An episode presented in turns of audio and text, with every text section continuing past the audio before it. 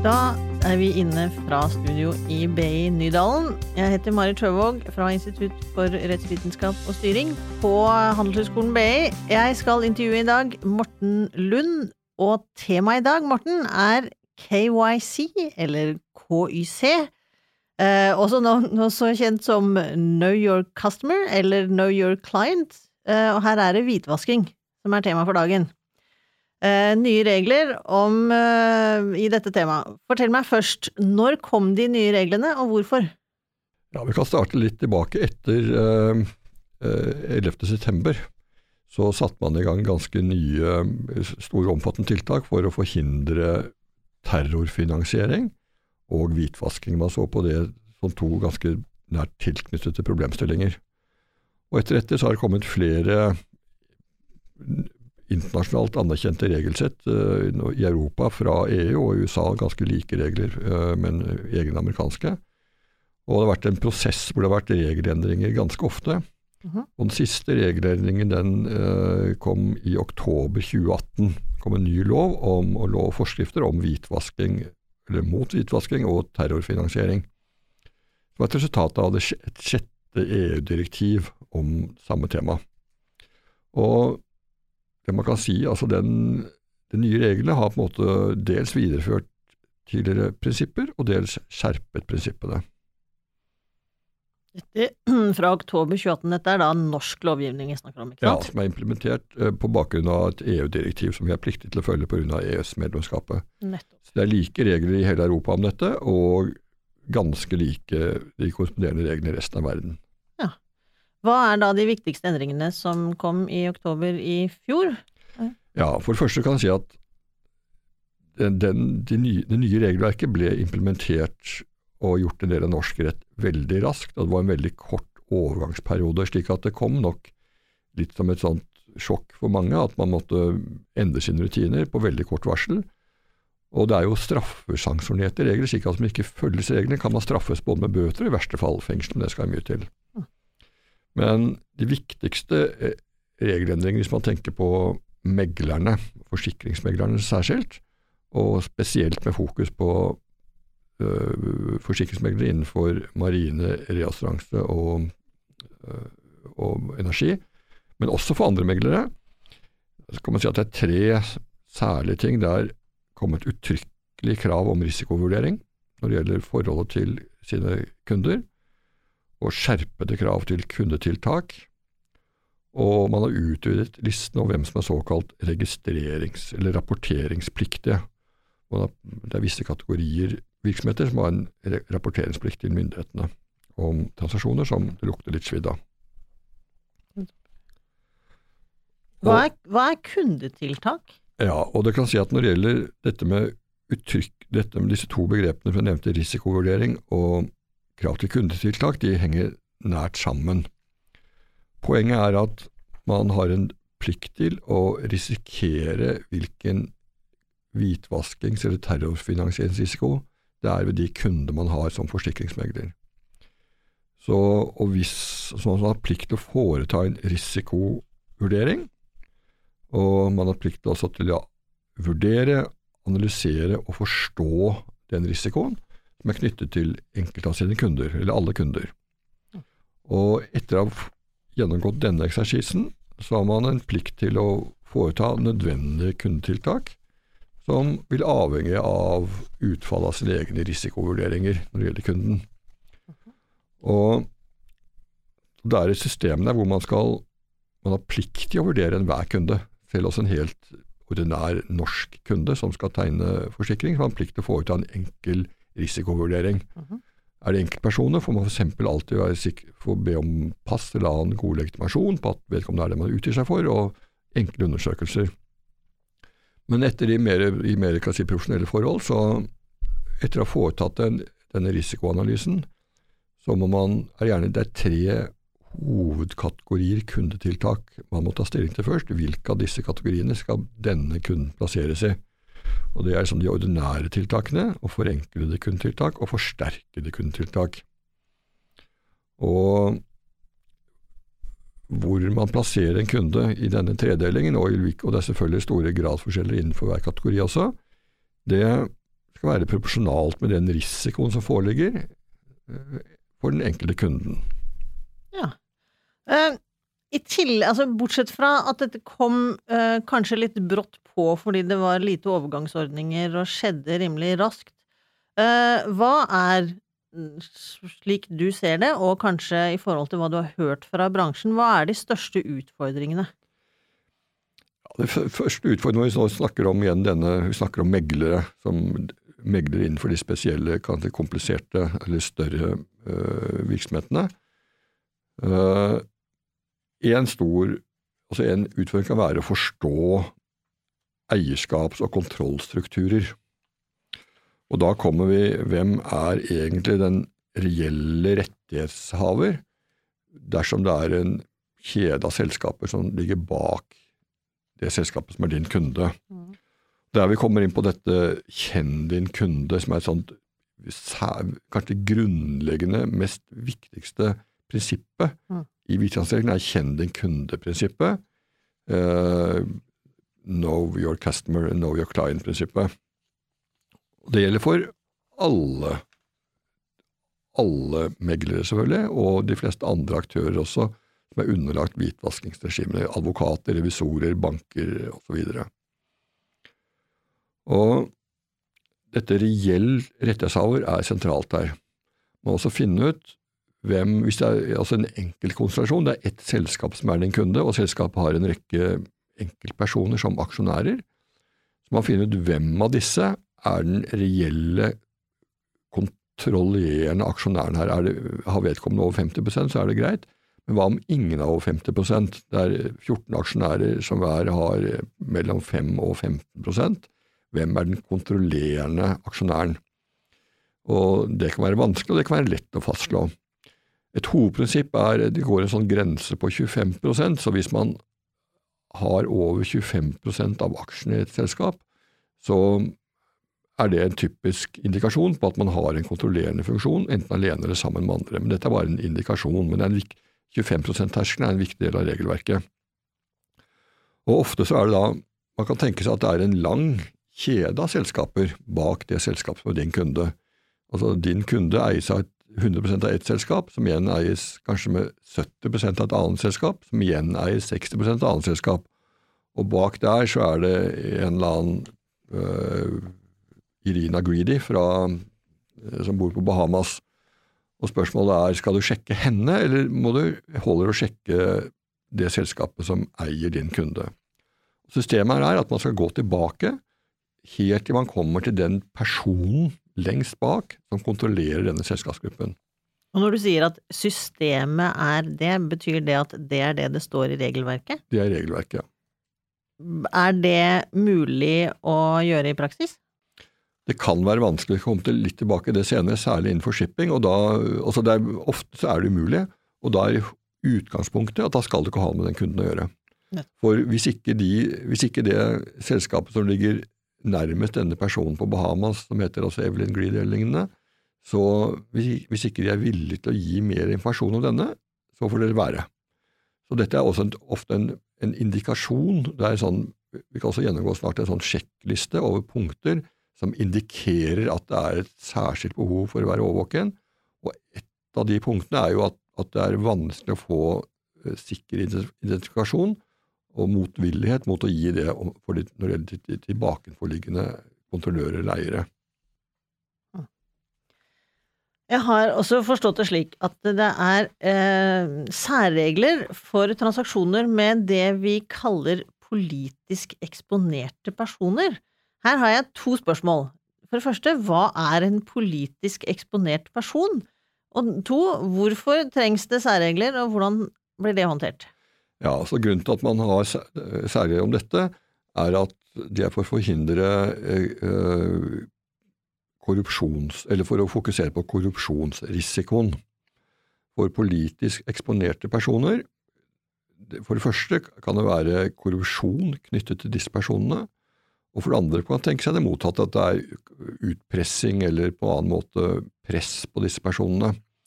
Dette er noe man bør øh, også få avklart, for hvis det er korrupsjon, så vil det ofte også, også være hvitvasking og terrorfinansiering involvert. Og så i prinsippet, altså hvis det er en norsk statssekretær eh, som, fra Kristelig Folkeparti som ikke grunn til å tro jeg driver med terrorfinansiering eller andre ting, så er det i prinsippet en politisk eksponert person man på en måte må bare ha fokus på. Men i mitt eksempel så er det ikke lange sjekkrunden som er nødvendig. Men så har man da grader til, altså til, eh, til altså konen til en energiminister i Ghana, hvor det selvfølgelig er større risiko for korrupsjon. Og hvis vedkommende da eh, skal investere eller inngå en avtale, så er det særlig grunn til å ha fokus på det. Så og politisk eksponerte personer er for det første personer som har politiske verv av noe slag, det kan være høyt eller lavt, og det er kretsen rundt disse, særlig nær familie. Så som i utgangspunktet så har man altså, det er kommet et sånt begrep her også, det er altså da PEP, PEP politisk eksponert person, PEP, det er PEP. Man får ta en pep-talk, en PEP-undersøkelse, når man kan ha med PEP-personer å gjøre. Og Graden av undersøkelse varierer selvfølgelig av hvor risikabelt land det er osv. Så, videre. så det er en konkret vurdering. Men man skal altså ha en særskilt overvåkenhet når det gjelder disse, når det gjelder disse PEP-ene. Da må man også ha forsterkede kundetiltak, som eh, jeg nevnte eksempler på, hvor man har disse forskjellige kategoriene. Og det, det omfatter ikke bare rene politiske personer, men også høyt rangerte personer i statlige foretak, f.eks. For altså Statoil. Eh, de er innenfor denne, Ledelsen Statoil faller innenfor denne grensen. Og det er særlig praktisk i andre land, man har statsselskap i Mexico og Brasil og, og, og i Afrika osv., hvor det er større risiko, erfaringsbasert, det vet man, for korrupsjon. For det, dette her er jo noe, jeg er glad du nevner det, det er jo noe av det jeg syns er eh, interessant, men også utfordrende med å snakke om, om pepper, eller eh, politisk eksponerte personer, fordi i min verden så er det ikke lett å sette en grense rundt noe som er politisk, og at alt på utsida av den grensa er ikke-politisk. Nei, men... Og dette ligger jo en slags subjektivitet i bånn her, og jeg lurer på i hvilken grad er, er eh, lovverket eller reguleringene i stand til å hjelpe deg som aktør for å prøve å finne ut dette her, og finne ut hvor ja. grensa går? Du kan si at det er, og det, som du sier, det går jo, det går jo hårfine grenser. Hvis man går til Norge, da, som, øh, så har man altså Statoil er jo åpenbart, ikke sant. Det eies riktignok bare uh, cirka, det er vel ca. 70% eller noe, nå. av, eller 67% er den norske stat.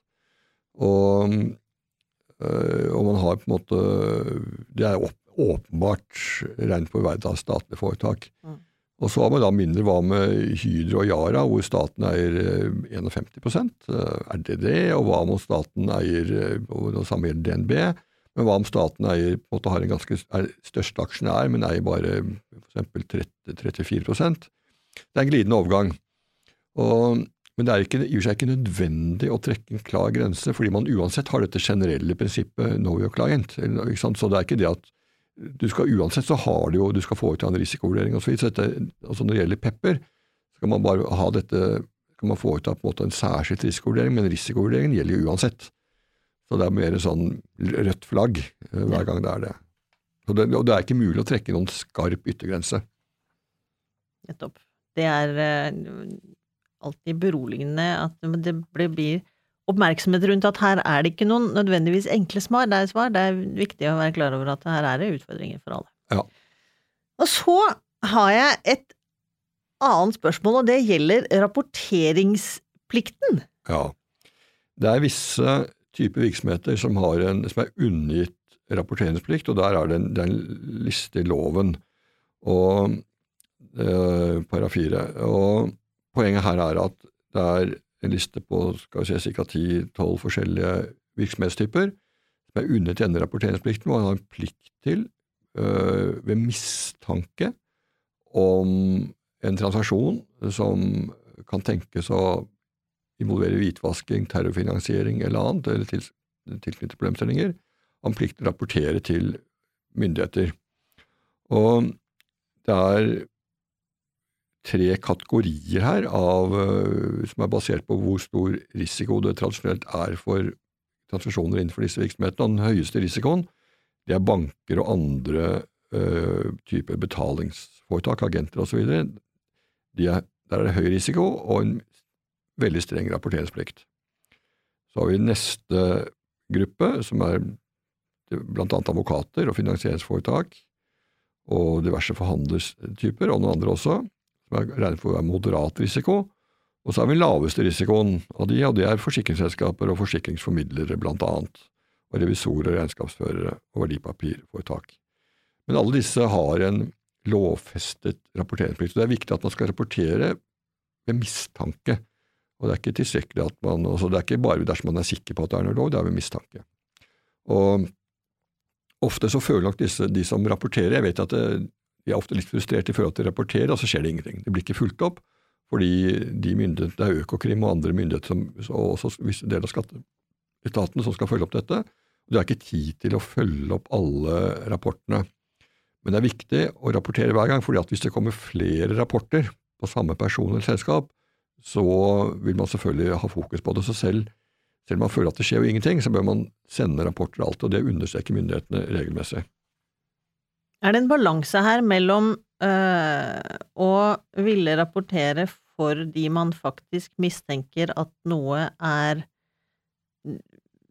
muligens muffens, iallfall, øh, som er en viktig del for å implementere og håndheve dette reguleringsregimet som er øh, kommet, og rapportere for å ville holde sin egen rygg fri. Som jo, hvis det skjer, kan man anta så blir det en slags overbyråkratisering som ingen er Ja, med. og det er viktig, altså, det er klart det med, så, men det er viktig å holde sin egen rygg fri også, faktisk. fordi at hvis man da tenker at dette her, vi kan ikke rapportere dette, og så gjør man ikke, og så viser etterpå at dette er terrorfinansiering, og man, da ligger man tynt an hvis man, man har sett at her er risikofylt, men vi, vi gadd ikke, for det er så mye mas med det, og det skjer jo ingenting.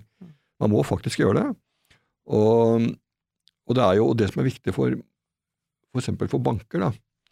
En bank har ikke lov til å stoppe en transaksjon fordi man syns den virker mystisk. Det er i strid med de reglene som gjelder for betalingsformidling. Så hvis man får en henvendelse om en transaksjon som man syns lukter kjempesvidd, så må man melde fra med en gang før man gjennomfører den, ø, kjemperaskt til Økokrim eller andre, som kan stoppe den. De kan stoppe den, men banken kan ikke det. Så b- man kan liksom utsette den litt, liksom å, men man kan ikke med at denne ikke vil gjennomføre. Det har man ikke lov til. Da må man rapportere og få et forbud mot å gjennomføre den. Mm. Og dette med når det gjelder forsikring, så altså, når det gjelder meglere, så altså det, det er to sider. ikke sant? Det er hvem skal du på en måte ha som kunde, og det, er, det har betydning også for og til, til slutt har det betydning for pengestrømmen som går i forbindelse med utbetaling fra forsikringsselskapene, hvor det er altså viktig at disse håndteres på en måte slik at det kommer dit de skal. Og noe av det typiske er jo at du, sånn som man kan tenke seg, er jo at, det, at, at eh, utbetalinger går til en annen bankkonto enn de som har innbetalt premien. Og da er det spørsmålet ikke sant, om dette er en måte å hvitvaske penger på. Så Vi skal komme litt tilbake til det, men det er et, et av de punktene på den huskelisten man, skal, man kan bruke når man skal vurdere om det er grunn til å være særlig årvåken. årvåken. Kanskje vi skal ta den huskelista? Ja, bare nevne noen punkter som er særlig viktige for den yrkesgruppen vi snakker om, nemlig forsikringsmeglere innenfor shipping og tilsvarende. Det er typisk at når det gjelder penger til og fra høyrisikoland, så er det alltid grunn til å være påpasselig. Altså penger fra en agent i Nigeria, det er høyrisiko. Eller penger til en agent i Nigeria. Og type megler, hvis man får en henvendelse i Norge fra en forsikringsmegler i et høyrisikoland om at til en norsk forsikringsmegler som blir bedt om å plassere en forsikring i det europeiske markedet et eller annet sted, og den provisjonen som megleren i Nigeria skal ha, hvis man får kunnskap i den, og den er urimelig høy, så er det grunn til å tro at deler av denne er den kommisjonen som megleren skal ha, og deler går til korrupsjon. Mm. Så det gjelder i alle bransjer, både megling, shipping og tilsvarende typiske internasjonale næringer, så er et viktig varsko er alltid påfallende høye meglerprovisjoner, meglerkommisjoner, meglerhonorar. Ofte så betyr det at den skal deles med andre som en del av korrupsjonsregimet. Og penger til og fra skatteparadis er jo det samme. for det er ikke, altså Skatteparadis er ikke nødvendigvis høyrisikoland, men ofte så er begge deler. Men noen ganger er det bare så skatteparadis er det også all grunn til å være oppmerksom på. Da må jeg jo spørre, hva er et høyrisikoland? Hvor er den lista? Det, altså det, finnes ikke noen liste, med en offisiell liste, men det er jo typisk land hvor det er korrupsjon og terror. Altså, noen land er jo også altså Venezuela er ikke noe skatteparadis, men det er et av verdens mest korrupte land, typisk. Mm. Så det er ikke, Ofte så er det sammenheng, men det kan være enten-eller også. Og disse kanaløyene, eh, altså Guernsey og, og Jersey, ja, mm. Det er ikke høyrisikoland, men det er også skatteparadiser. Ja. Og så er det da typisk da hvis de økonomiske transaksjonene som er knyttet til vederlag, til, altså meglerprovisjoner, meglervederlag, honorarer, er, transaksjonene er mystiske. De, kommer via mange ulike kanaler. De kommer fra forskjellige steder osv. Og, så og kanskje de betaler høye forskuddsbeløp og skal ha penger tilbake over nyttår til en annen konto. Det lukter selvfølgelig svidd. Mm. Det er på en måte å plassere pengene Eh, gjemme bort pengene på en klientkonto over et årsskifte er også et ganske typisk tegn. Og dette med utilgjengelig informasjon, man får ikke altså hvis, det, hvis, man, hvis kunden, eller kundens kall det bakenforliggende eiere, nøler med å gi informasjon, så er det typisk trekk som man skal, være, skal øke skepsisen. Og selvfølgelig er det som ikke får tak i selskapsinformasjon, øh, og komplekse selskapsstrukturer er seg selv et varsel, men det kan være legitimt. Men det er grunn til å ha Da skal det blunke eller blinke en rød lampe veldig kraftig. Og selvfølgelig, hvis man betaler på andre måter så Ingen megler vil jo drømme om å ta imot en koffert med penger, det er greit, det skjønner alle, og det skjer ikke. Men f.eks. betaling ved bankremisser er jo fremdeles Det er veldig gammeldags, men det skjer fremdeles. Og, det, og da vet man ikke hvem som har på en måte Hvilken kunde som har blitt belastet det beløpet av banken. Typisk varsel, det skal man ikke godta. Det er ingen grunn til å godta det, for du får overføre pengene fra en bankkonto. Det er klar regel. Og dette her med at man altså overfører penger på vegne av andre uten å si hvem det er, osv. Dette er altså noen av disse typiske øh, kjennetegnene, eller typiske momentene man må vurdere. Og da kommer vi over kanskje til et siste spørsmål i forlengelsen. Du har kanskje flere spørsmål? Jeg har et spørsmål til, ja. og det er, tror jeg, linka opp til dette her. Ja. Det er alltid spennende. Det ja. er nemlig når du er i en posisjon hvor du har plikt til å kjenne din kunde eller klient, blir det noen gang vanskelig å avgjøre hvem som er kunden? Ja. Det er viktig og vanskelig, og det er det var akkurat det jeg hadde tenkt å si noe om, men du hadde tenkt på dette allerede. Men dette er viktig og vanskelig, fordi i forsikring, i shipping, så er det jo veldig vanlig mønster at det er ett, kall det holdingselskap, driftsselskap, managementselskap på toppen, som da drifter og ofte eier eh, en rekke skip, eh, eksempel 40 skip. Det er helt vanlig å stifte ett selskap for hvert skip. Og hvis dette er fordi da, da, begrenser man Hvis det da går veldig dårlig med det ene skipet, så vil ikke det ødelegge økonomien for de andre delene av rederiet. Så dette er veldig vanlig, og særlig dersom man har flere investorer i, i uh, ulike investorer i hvert enkelt skip. Det er jo ofte man kan jo som privatpersoner eller næringsdrivende investere, kanskje kjøpe en 2% andel i skip osv. for å spare skatt og tjene penger, med kommandittselskaper eller på andre måter, og det er helt legitimt og vanlig. Og da vil det være et særskilt Eh, eierselskap for hvert skip, med ulike eiere da, av disse skipene. Og Det er en sånn oversiktlig og grei nasjonalmodell. Men det er også vanlig også for norske rederier å registrere mange av skipene sine i utenlandske skipsregistre, og da må du skifte veldig ofte et utenlandsk selskap. Og hva da, og hva om en norsk megler får en henvendelse fra et eh, slik eh, driftsselskap, managementselskap, eksempel Hellas, som opererer en flåte på 90 skip, og alle skipene er eiet av selskaper i skatteparadiser. Hvem er kunden?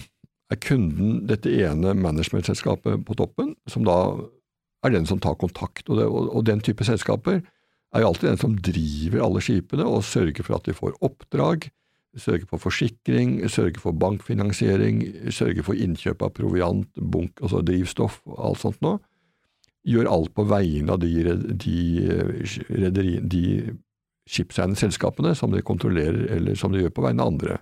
Det, også, det finnes jo mange sånne managementselskaper som også drifter og opererer på samme måte, skip som eies av helt andre som ikke har egen managementavdeling så kjøper den tjenesten. Og Spørsmålet er da hvem er kunden for forsikringsmegler? Er dette managementselskapet, eller er det enkelte skipseiende selskap? Det klare utgangspunkt, etter mitt syn, dette er altså ikke avklart. Eh, det ikke noe, går ikke an å gi 100% sikkert svar på dette, men etter mitt syn, og så vidt jeg forstår, som også er praksis i bransjen, i den korte tiden vi har hatt dette nye regelverket, som stiller veldig strenge krav akkurat dette med kjenn din kunde, er at det er dette managementselskapet som er kunden. Så Hvis man får uh, komplett og troverdig informasjon om hvem som kontrollerer managementselskapet, så er det i utgangspunktet nok. Da har man gjort det man skal, da har man samlet informasjon om kunden og vurdert risikobildet og tatt et standpunkt til dette. Og hvis man oppdager noe som lukter? Ja, og ikke bare oppdag, men hvis det er grunn til å tro, også hvis det lukter litt svidd, og det er øh, litt merkelig, så kan du si så har man, øh, når det gjelder de andre selskapene bak der, så har, etter mitt syn så har man en plikt til å gå videre og si greit nok, men vi vil faktisk gjerne vite hvem som ligger bak disse uh, skipseiende selskapene som du har registrert i Panama, Cayman Island og Liberia osv. Det må vi få mer informasjon om. Og, da, og da kan det jo tenkes at det managementselskapet sier altså, dessverre, men vi vet ikke. Og det kan være sant, det er ikke sikkert at de vet det. Eller de kan si at ja, men det har ikke du noe med, for det er vi som er, det, det er, vi er deres kunde, og det får holde. Og da må man ta en vurdering om man vil ha den kunden eller ikke. Og her går det ikke an å gi noe fasitsvar, for det er grader og Men man må se altså dette her Man har på en måte en plikt til å lojalt følge intensjonen også bak dette regelverket. Så man må på en måte er, altså Hvordan skal jeg tenke nå, som en fornuftig og carefull megler? Er det riktig av meg, eh, juridisk og moralsk, å ta denne store, fristende kunden hvis jeg ikke får noen informasjon om hvem som er i skipene? For Poenget er jo at når det gjelder selve meglingsoppdraget, så kan man si jo, men det må være greit, du, har bare, du forholder deg bare til den kunden, men hvis det skjer et havari i etterkant på et av de skipene, så kommer jo pengene Eh, fra forsikringsselskapet, kanskje enten via meglerne ut til eh, kunden, eller direkte fra, fra forsikringsselskapet og til kunden, som igjen betaler til de som eier skipet, selvfølgelig. Mm. Og da, hvis det er narkopenger, så er ikke det bra. Da tror jeg kanskje vi klarte å finne en endelig grense for uh, slutten av denne podkasten. Ja, men jeg var på, hva tror du om seer- lyttertallet her? Fordi at eh, Jeg vet jo du er opptatt av lyttertall og seertall. Du er jo, er jo, jeg har en del oppdrag i forbindelse med det der Ex on the Beach og skaffe nye kandidater osv. Og, så og da er jo seer, seertallene viktige. Men hva tror du om lyttertallet på denne podkasten? Det håper jeg er øh, 62 øh, originalt. Og så håper jeg at det på en måte reflekterer eh, de reelt antall lyttere, men at antallet avspillinger går opp til omtrent eh, 124. Nettopp. Man bør høre på det minst to ganger. Minst to ganger. Ja, får vi se. Da er vi ferdige, er vi ikke det? Da er vi ferdige for i dag. Ja. Tusen takk.